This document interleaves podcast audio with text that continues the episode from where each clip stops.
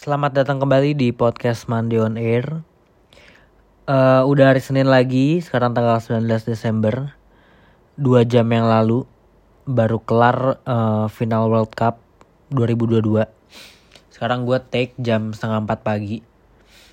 Eh, kayaknya bakal tidur lebih pagi lagi karena euforia match tadi itu masih berasa banget. Dan officially game uh, di di seluruh liga maksudnya uh, Piala Dunia udah kelar. Mungkin ada 64 game kali ya total total selama sebulan ini. Gue kurang tahu pasti tapi kayaknya sih segituan. Dan senang banget selama sebulan ini ditemenin sama Piala Dunia. Walaupun di awal kita tuh selalu ngomongin ya kalau tahun ini tuh World Cup-nya kayak kayak beda gitu rasanya. Euforianya kayak nggak ada dan gimana caranya gue nggak ngerti tapi setelah mungkin setelah game pertama dan kedua um, semua itu berubah gitu. Uh, sepanjang turnamen ya dari awal sampai hari ini kita ngerasa bahkan World Cup ini salah satu yang terbaik gitu. Seru banget nggak ketebak.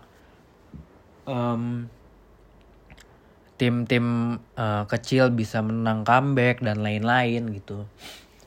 Yang kita pikir tadinya euforianya nggak seru gitu, nggak heboh, tapi ternyata malah jadi salah satu uh, one of the best World Cup ever gitu mungkin. Apalagi di endingnya Messi menang Piala Dunia gitu. Jadi bisa jadi ini salah satu Piala Dunia terbaik gitu sampai saat ini. Dan hari ini gue mau bahas tentang uh, kesempatan kedua, second chance gitu. Dan ini gue kepikiran pas tahu kalau Messi bakal main di final Piala Dunia lagi gitu. Setelah tahun 2014 uh, dia punya kesempatan untuk bisa menangin Piala Dunia pertamanya. Tapi yang kita tahu kan uh, Argentina kalah 1-0 sama Jerman.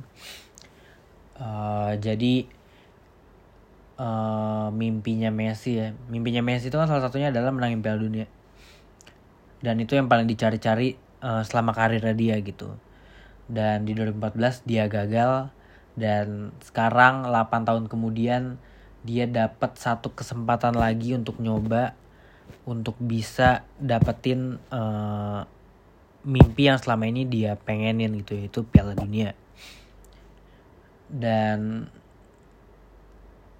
ya seperti yang kita tahu ya game tadi udah kelar untuk Argentina menang adu penalti.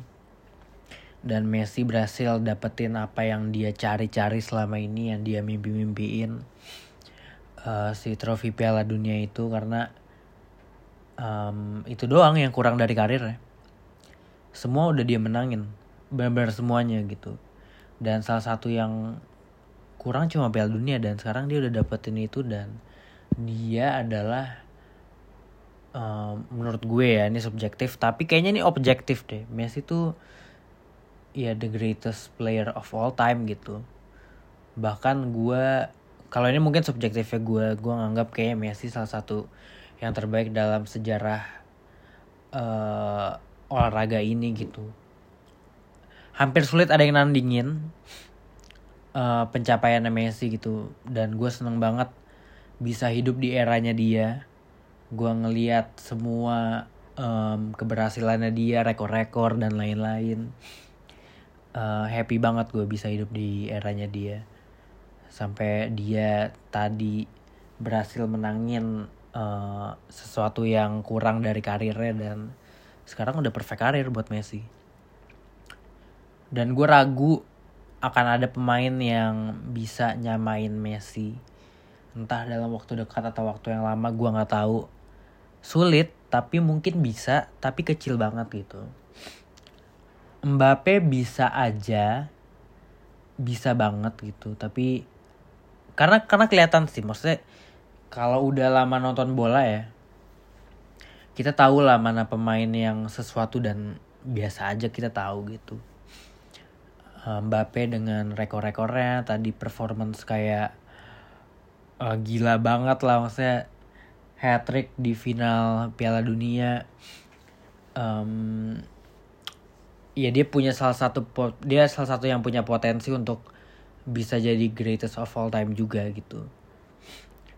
Um, dan ngomongin ke second chance tadi um, gua tuh percaya kalau kita selalu bisa dikasih kesempatan kedua gitu. Um, apalagi kalau kita tuh pengen banget dapetin uh, sesuatu yang uh, mungkin kita kejar kita apa. Uh, kayak tapi memang di Piala Dunia ini tuh emang angin-anginnya emang karena Argentina dan karena Messi untuk juara. Bahkan keputusan-keputusan dalam game juga ngentengin ke Argentina dan Messi gitu. Tapi it's okay emang Messi layak untuk dapetin itu gitu. Kita semua tahu dan kita semua um, dukung gitu untuk Messi dapetin Piala Dunia ini si trofinya. Dan um, tadi sampai mana tuh yang second chance? Ya yeah. gue percaya second chance itu selalu terbuka untuk kita. Um, dan mungkin yang pertama tuh nyakitin gitu gagalnya kan. Yang 2014 kita tahu lah. Walaupun Messi best player tapi kan bukan trofi itu yang dia mau. Bukan trofi individu yang dia mau tapi si trofi Piala Dunianya gitu. Dan akhirnya dia dapat kesempatan lagi dan dia berhasil gitu. Um, dan sebenarnya ya Messi kan di final sama Argentina udah kalah berapa kali tuh? Dua tiga kali mungkin. Uh, jadi dia udah cukup sering ngalamin kekalahan dan ada banyak kesempatan terbuka untuk Messi gitu. Cuma second chance ini tuh uh, dalam konteks di Piala Dunia gitu.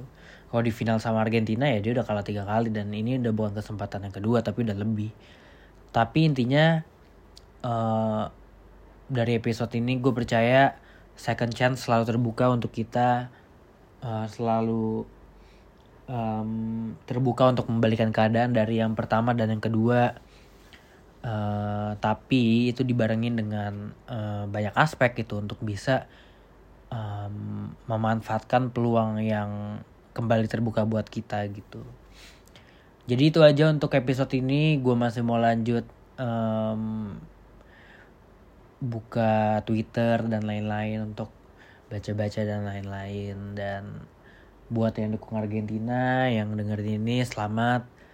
Uh, kita rayakan uh, keberhasilan Messi lah. Maksudnya salah satu uh, orang atau di planet ini yang hari ini kayak dia yang paling bahagia seplanet mungkin Messi dan intinya gue happy banget bisa hidup dan ngelihat um, keberhasilan Messi lah maksudnya di eranya Messi ini gue happy banget sih dan sebelum penutup aja kayaknya gue mau bahas apa ya minggu depan ada deh soal masih soal tentang Argentina ini uh, sorry buat yang nggak ngerti soal bola tapi episode ini khusus doang untuk uh, Messi dan final Piala Dunia. Itu aja untuk episode minggu ini. Sampai ketemu di minggu depan.